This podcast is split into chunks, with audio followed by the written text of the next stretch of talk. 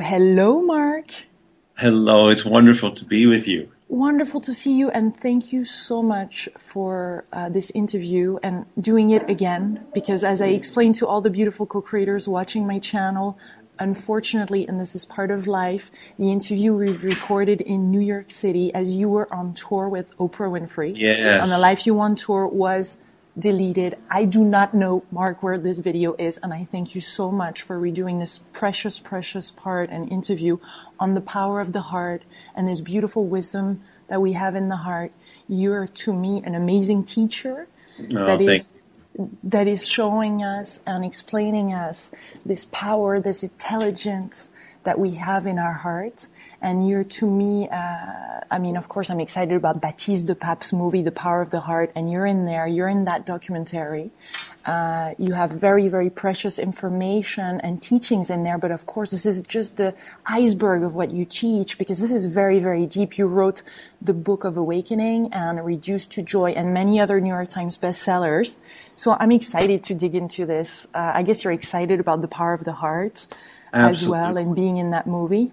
Absolutely. You know, it. I, I just think it's a a very compelling and touching movie, and I think Baptiste and Drew Heriot and the whole team.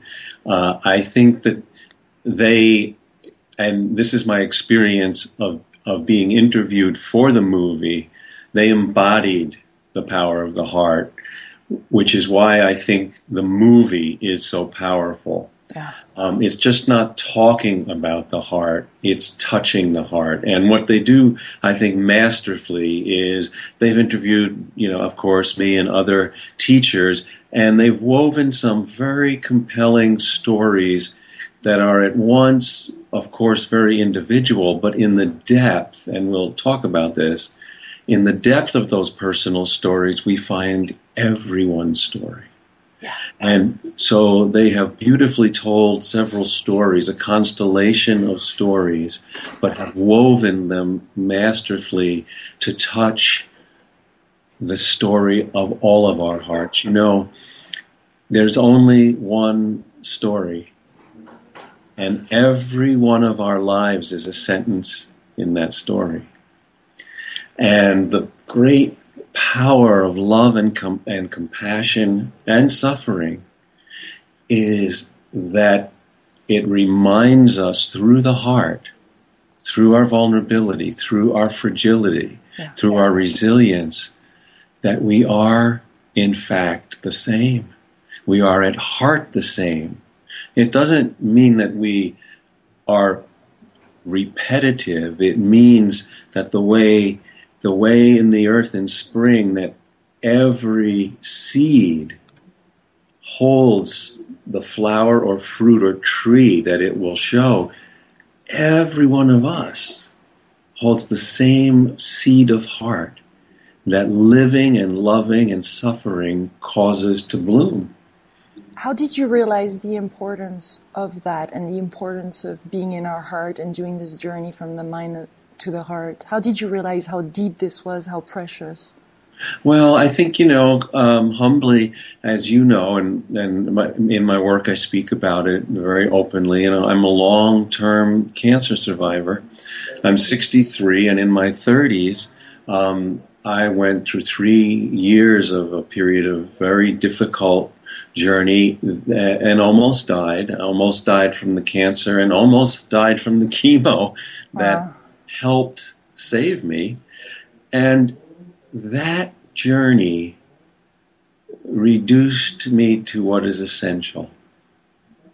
You know, at, at that time in my life, like anybody, uh, you know, I was working hard. I was hoping to make some kind of contribution. I was beginning as a teacher. I was beginning as a poet. I hoped if I worked hard enough, I might contribute a couple of poems to to literature. I might I might contribute in some way. And all of a sudden, life was changing me.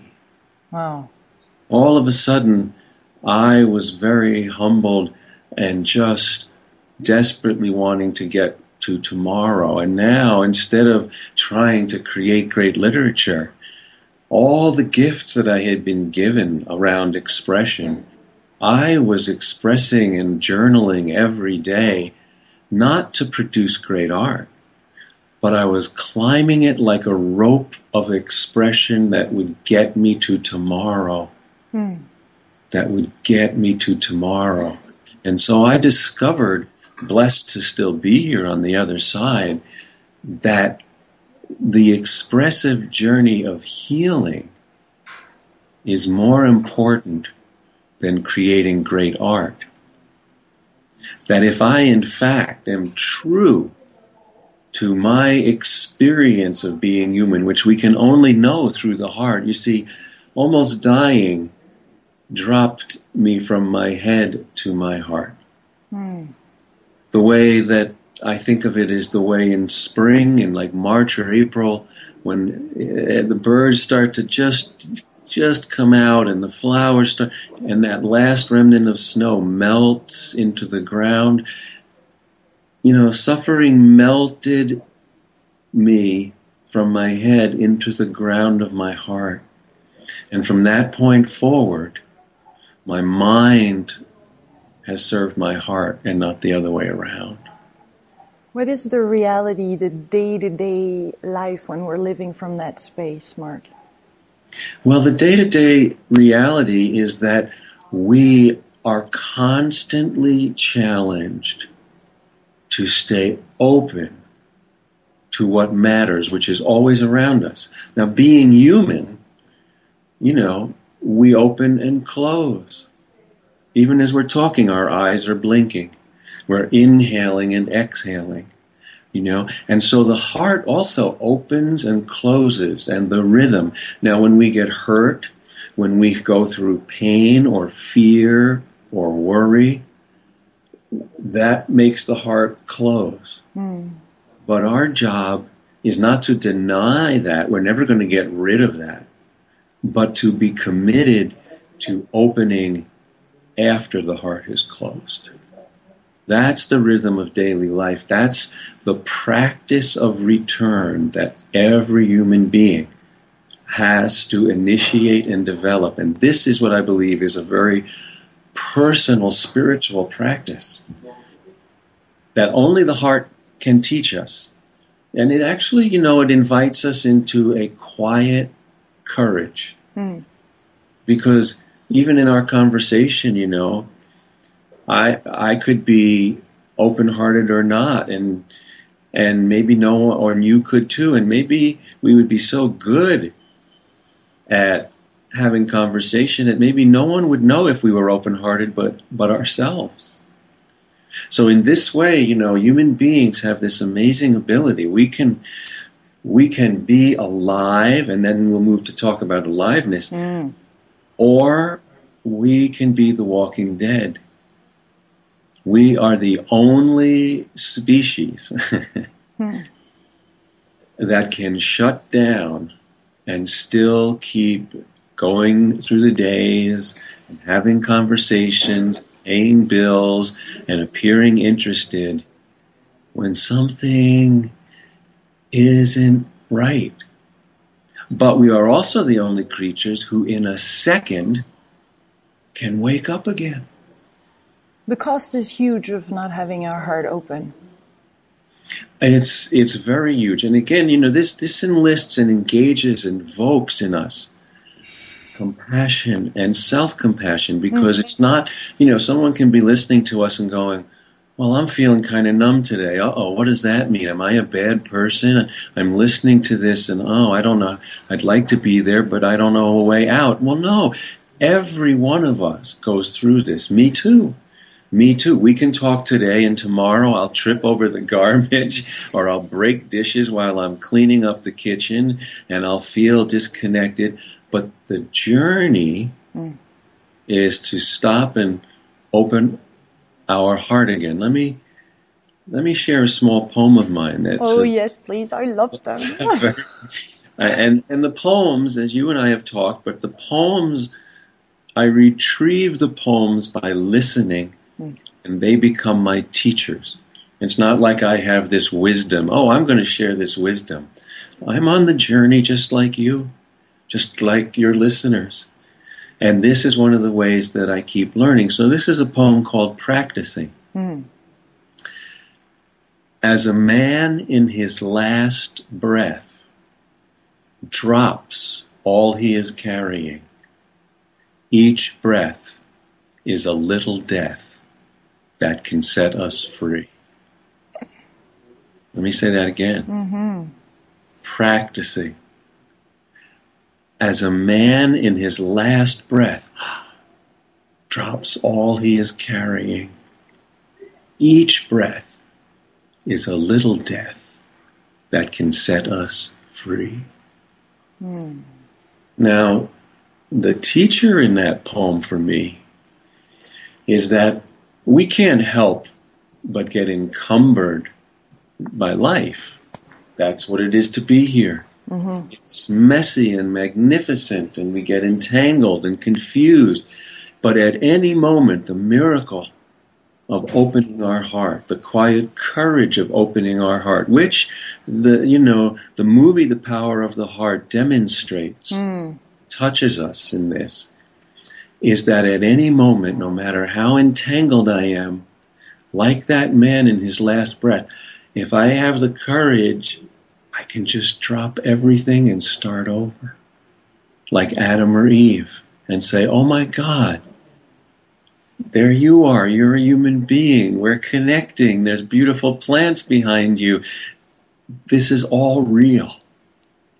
This is all real. Is this is this a matter of letting go or of um, being okay with whatever situation there is? I mean, what's the little not trick here, but uh, the thing so that we can really be in the flow and being aligned and and breathe. well, the the the challenge, and this is paradox, and you and I we talked about paradox before, and let me say again that paradox is a great teacher, and paradox is simply simply said, but not simple to to me, Mm. is any moment where more than one thing is true at the same time. Mhm. And the mind can't solve paradox. It's not in its job description. Hmm. The mind's a tremendous gift, but the heart, the heart can open itself and receive everything that's true Mm. beyond, no matter how it befuddles us. And by allowing it to enter our heart and hold it, Mm. it will reveal the logic of the heart and the spirit. So we are we are asked in order to make it through surface life. The mind is is an amazing problem solver. It can sort and prioritize and choose and make decisions which way to go, what to buy, what not to buy, who to be in relationship with, what's safe, what's not. We need these things to survive. But as I get older, I'm learning that the deeper side of all this is that the heart has the gift of letting us absorb and merge and integrate so that we can feel the deeper meaning of life. Sorting and prioritizing and choosing between feelings doesn't work only opening the heart. So every day, what does this translate to in everyday living? It means that when when I am I am always as all of us, we are always on the edge. We have to lean into what is ours to feel because when we avoid it, we all know it gets bigger, Yeah. whatever it is. And at the same time, not drown in it. We need to swim Hmm. in in the depth and live in the world. We need to swim in the depth and live in the world. Now, of course, no one no one knows how to do this. The dolphins. I mean, I read your poem, Mark. Uh, the dolphins do. The dolphin. But this is why we need each other because, you know, it it seems that the design of life, the mystery of life, created by whatever name you want to give to what's larger than us God, Tao, Buddha, Atman, Allah, nature, physics, whatever you want to call it, nothing, if you want to be an atheist and call it nothing, we're still describing what's larger than us. Mhm. And whatever that is has made life just hard enough that we need each other. And that ensures the journey of love. Because, and this may be one of the deepest paradox of life, no one, no one can live your life for. Mm. No one can see what you see or feel what you feel or have to face what you face. And no one can make it alone. Mm. We, we need each other. And in that company, I learn who I am by loving and encouraging you to be who you are. Is that compassion too? That compassion literally means to keep honest company with. So now, certainly, like if we were together as we were in New York and you started to fall over, I could help you up. Or if you were hungry, I could get you food. But beyond that, in all the ways that matter that we can't see but we feel, I can't I can't do anything but keep company with you. Mm-hmm. Bear witness to what you're going through and encourage you that your heart and my heart is the greatest muscle we have.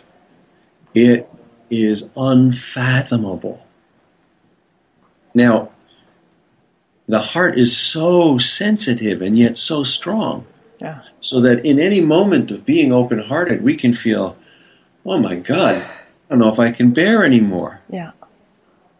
But the spirit that makes the heart what it is says to us, not only can we, but it says, give me more.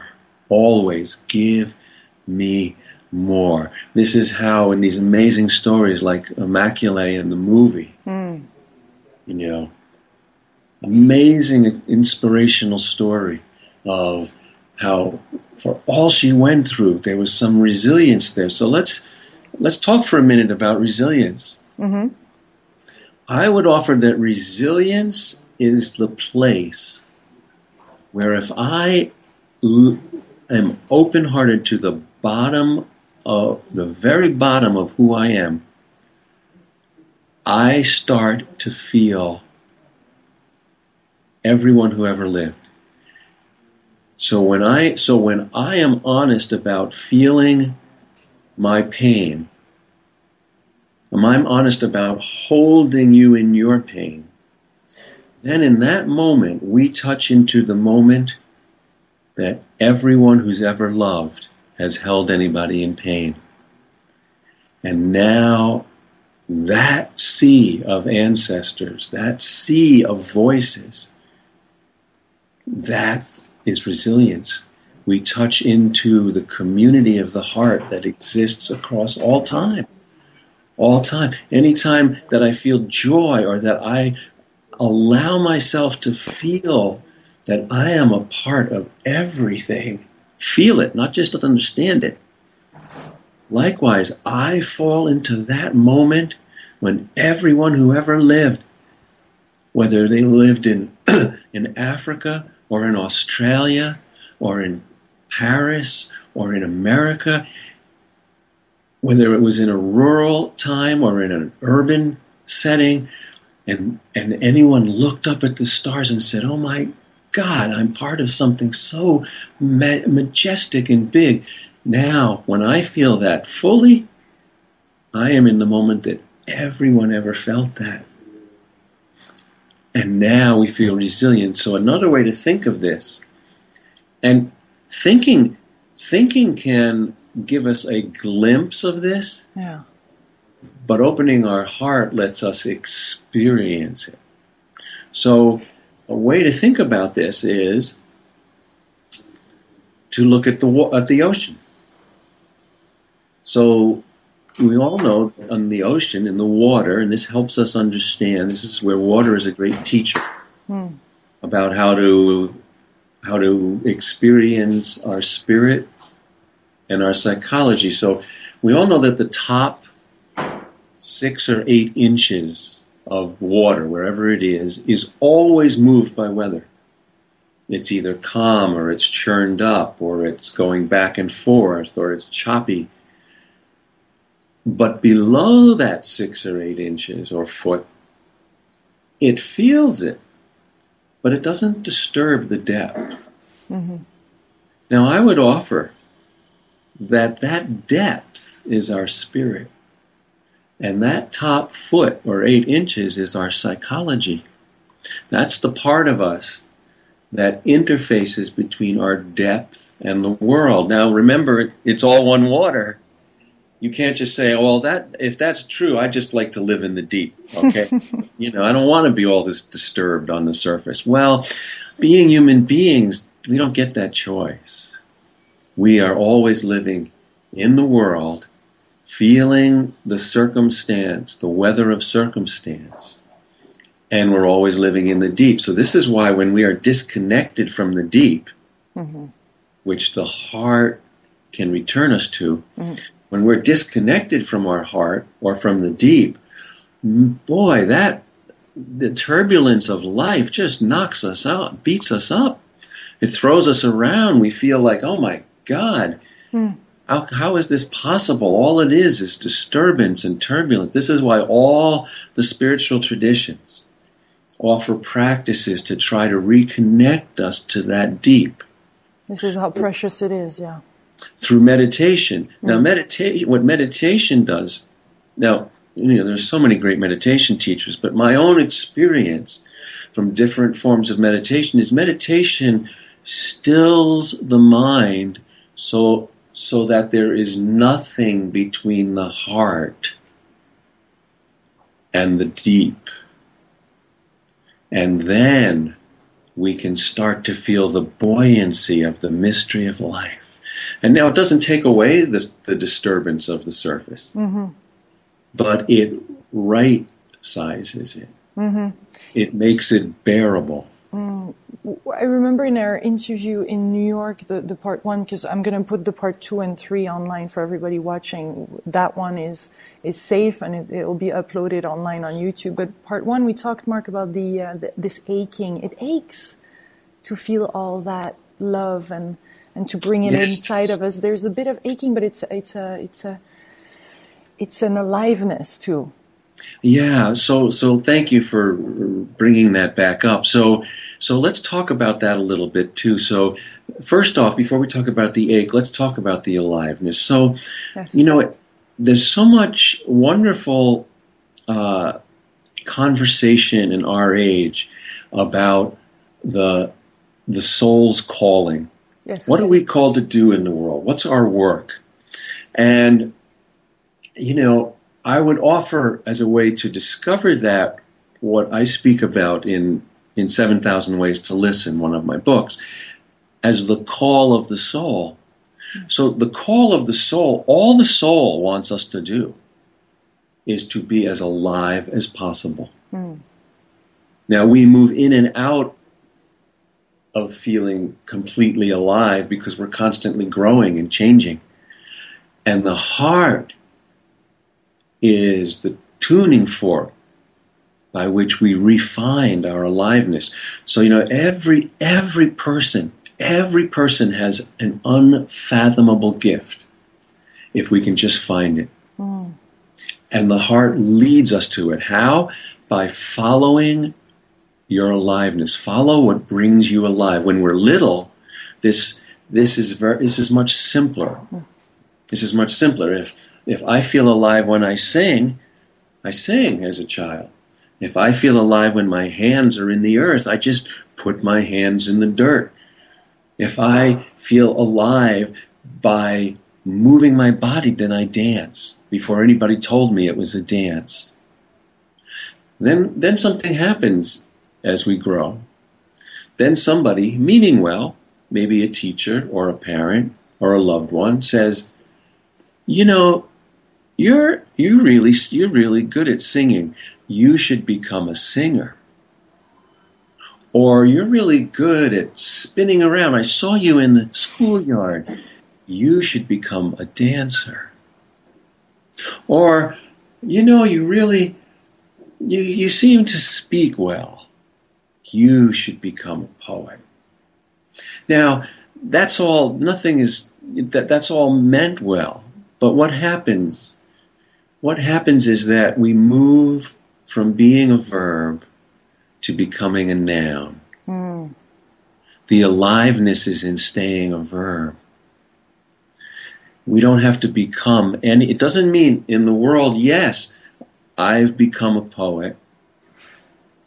But what keeps me alive, the whole reason I ever ever moved in that direction in the first place is because this way of inquiring into life brought me into wonder, mm. made me feel alive. And so any effort to write is to try to keep the aliveness here a little bit longer and to share it. So we can always, we can always find the call of our aliveness by returning to what makes us feel alive. And it may change. It may change and probably will. So we are asked to constantly follow mm. what makes us alive. So this, this leads us to the sweet ache of being alive. You know, when I was a child in school and, and you know, I, I felt, I didn't have words for it, but I know now I felt the depth of life. I had no words for it. And it was greater than any one feeling. And so, you know, adults around me looked at me and said, He's a somber little boy. You know, and meaning, well, they'd say, Well, what's wrong, somber little boy? And I would just say, You know, I don't know. I, I feel something I can't see. And then someone said, Well, you seem kind of sad. Why don't you cheer up? Well, and I spent a lot of time as a little boy, and most of us do, uh, trying to cheer up. It's like, oh, well, maybe this this deep presence I'm feeling isn't a good thing. So maybe I need to try to get rid of it. Well, you know, I couldn't get rid of it. Hmm. and it turned out not to be a bad thing. And I learned as I grew, as I went into my teens and in my 20s, that actually sometimes it was sadness, but more often it was the depth of feeling this mystery of life mm. that can't be named by any one feeling alone. And that actually, this depth was the sweet ache of being alive. It's how I knew, even as a boy, that I was here and that I was part of something larger than me. And actually, this sweet ache of being alive, it's one of my oldest friends. It's how I know, how I feel the tug of the universe from my center. Hmm. So you see, we, and it's not just in our time, but it's acute in our time. We, we've been taught to be afraid of the life of feeling, but it's the life of feeling that brings us to be able to feel and experience oneness.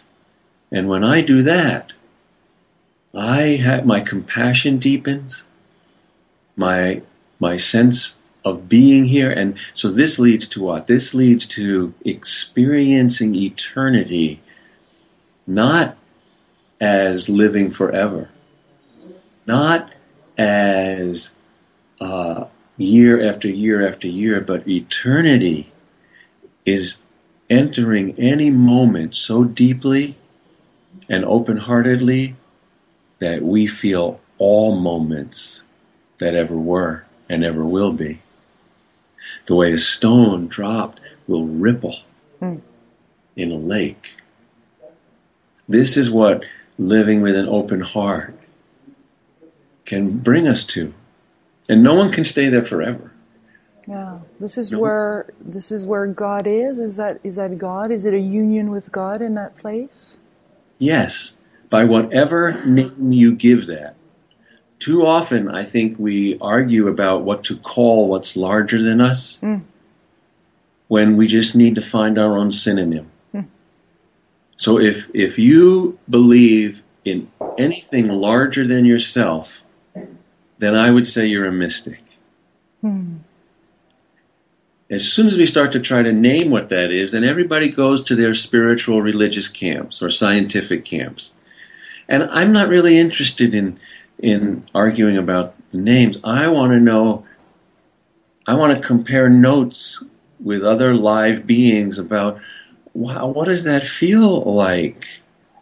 How do you experience eternity, God, Tao, nature, everything, so that we can compare notes about it, so we can be in the aliveness together. Hmm. Together. In that space, Mark, there's really nothing for us to do. It's just about being, and uh, if we're aligned, if we feel that way, if we're there, we're just. Uh, it's one step at a time. We're called to the next action. We follow our intuition. So, so, it's it's a it's it's like a flow. It's like a very fluid and liquid. Or yeah. So this leads us to another paradox. You know, every age that we live in. You know, Charles Dickens started his sentence that starts a tale of two cities is it was the best of times and the worst of times. And that's a wonderful novel but I think if we only had the first sentence, it would be worth it. Because every time is the best of times and the worst of times. So we live in our age, as in every age, there are travesties, injustice, atrocities all over. And whatever we can do, our small part, to try to make life better on earth while we're here is necessary and hmm. and how do we know what to contribute? How do we know where to contribute? It's because there is, this is the paradox. There is nothing to go, nothing to do, and nowhere to go. And once we accept that, we can do everything and go anywhere. So what, what do I mean by that? And so that's a the end of a poem of mine called "Accepting This." That I didn't know I would arrive at it, and it became my teacher. And what that means is that what we're talking about is when I can be fully here with an open heart, then my compassion is, is bottomless. And what compassion does is it also it changes our eyes. Now, when we see with the heart, it's more clear how we can help. How we can help. So it's like we have to clean our eyes so we know where to help and what to do. You know, mm-hmm. this lead, this leads me to a story that I, I don't think we shared when we were we were in New York, but I, I really felt it afterwards because you know right where we were was at the very bottom of Manhattan, and we could see behind us the Statue of Liberty.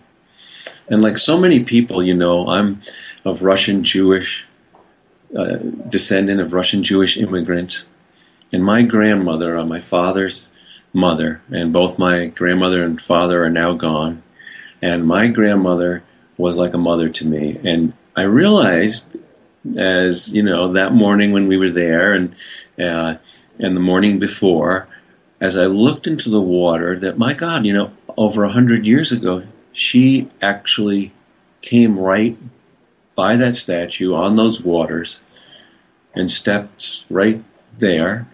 And here, a hundred years later, her grandson, here I am, you know. And there's a story from when she was in the last years of her life that bears on our conversation she was in a hospital home situation in, in Brooklyn. And I would visit her. I didn't live, I lived about three hours away, but I would come and visit her as often as I could. And I came one day, a beautiful day like, like when we met. And I came into her room, one room she'd been in for months. And she was sitting on her bed, 94, with a thick Russian Jewish accent, always was the accent of her English. And she looked kind of, you know, gray and sad and waited. And I said, Grandma, what's the matter? And she said, Oh, it's a gray day.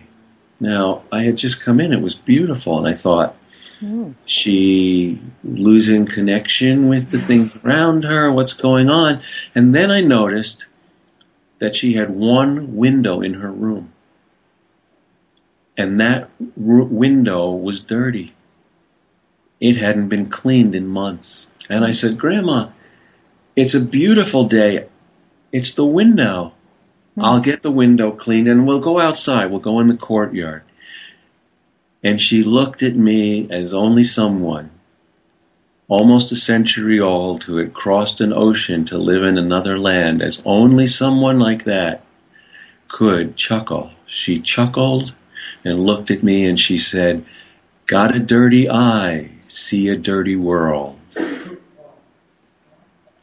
Got a dirty eye, see a dirty world. Mm. So this this profound lesson, which has saved me mm. many times since Grandma has gone, this immigrant wisdom, this wisdom that comes from journeying across the deep from one land to another.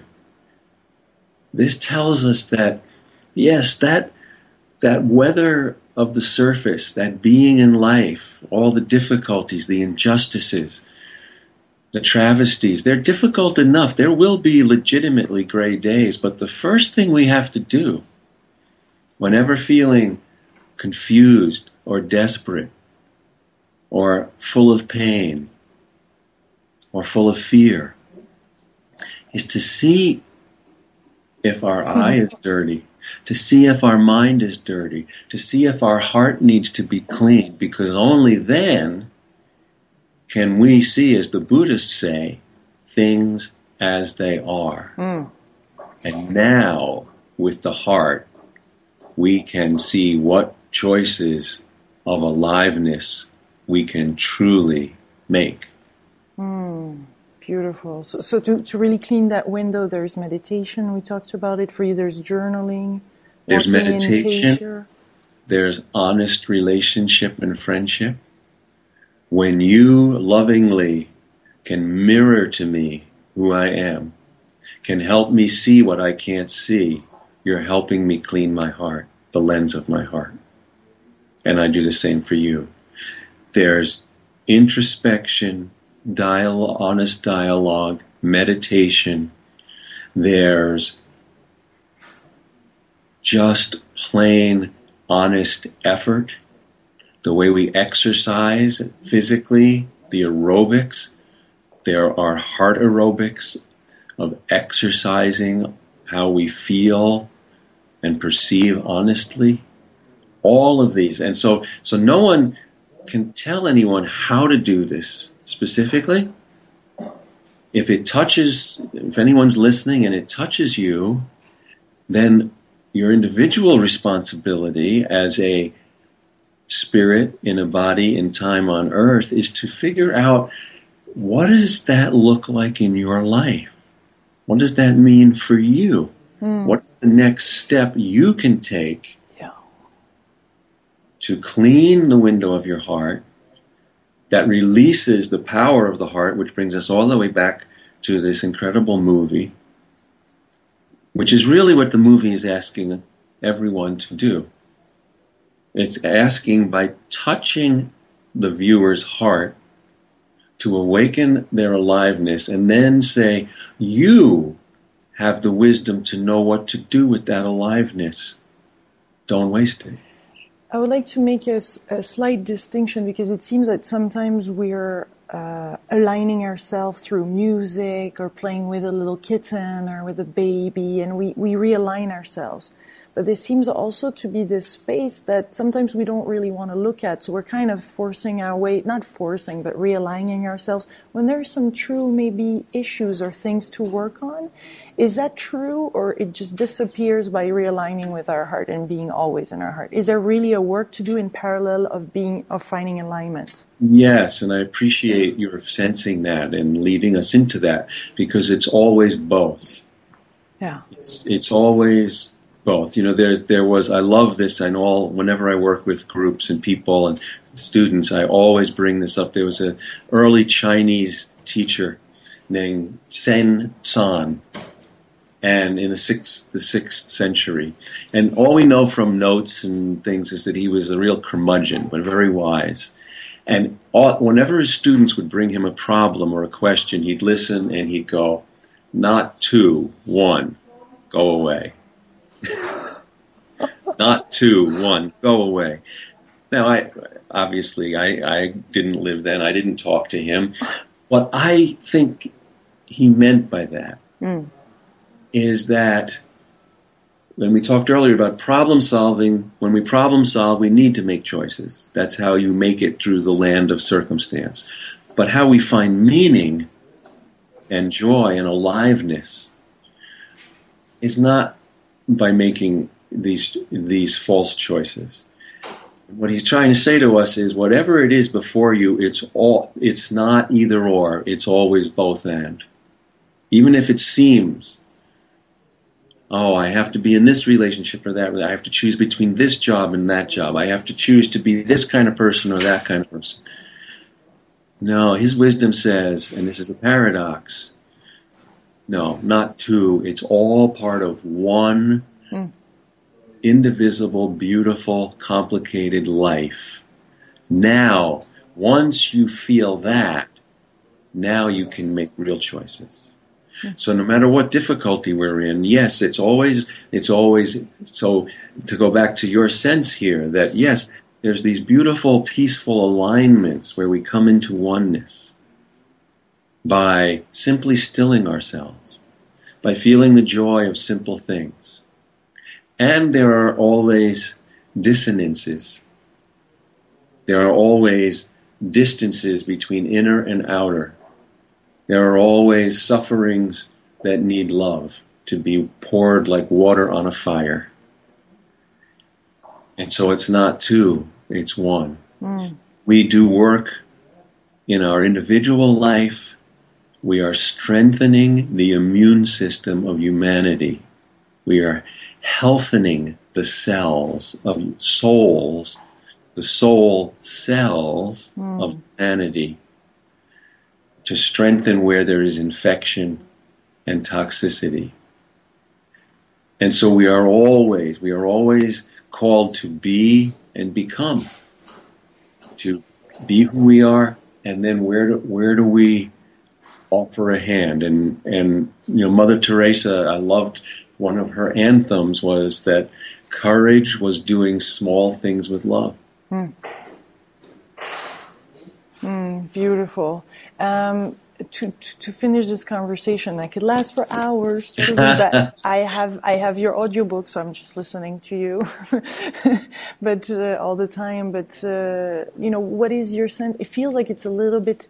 Uh, it shakes a lot right now for a lot of people, and at the same time, it's easier. We're called to be in the light. We're called to have integrity in our life, to open our heart. It feels easier, and at the same time, it shakes more.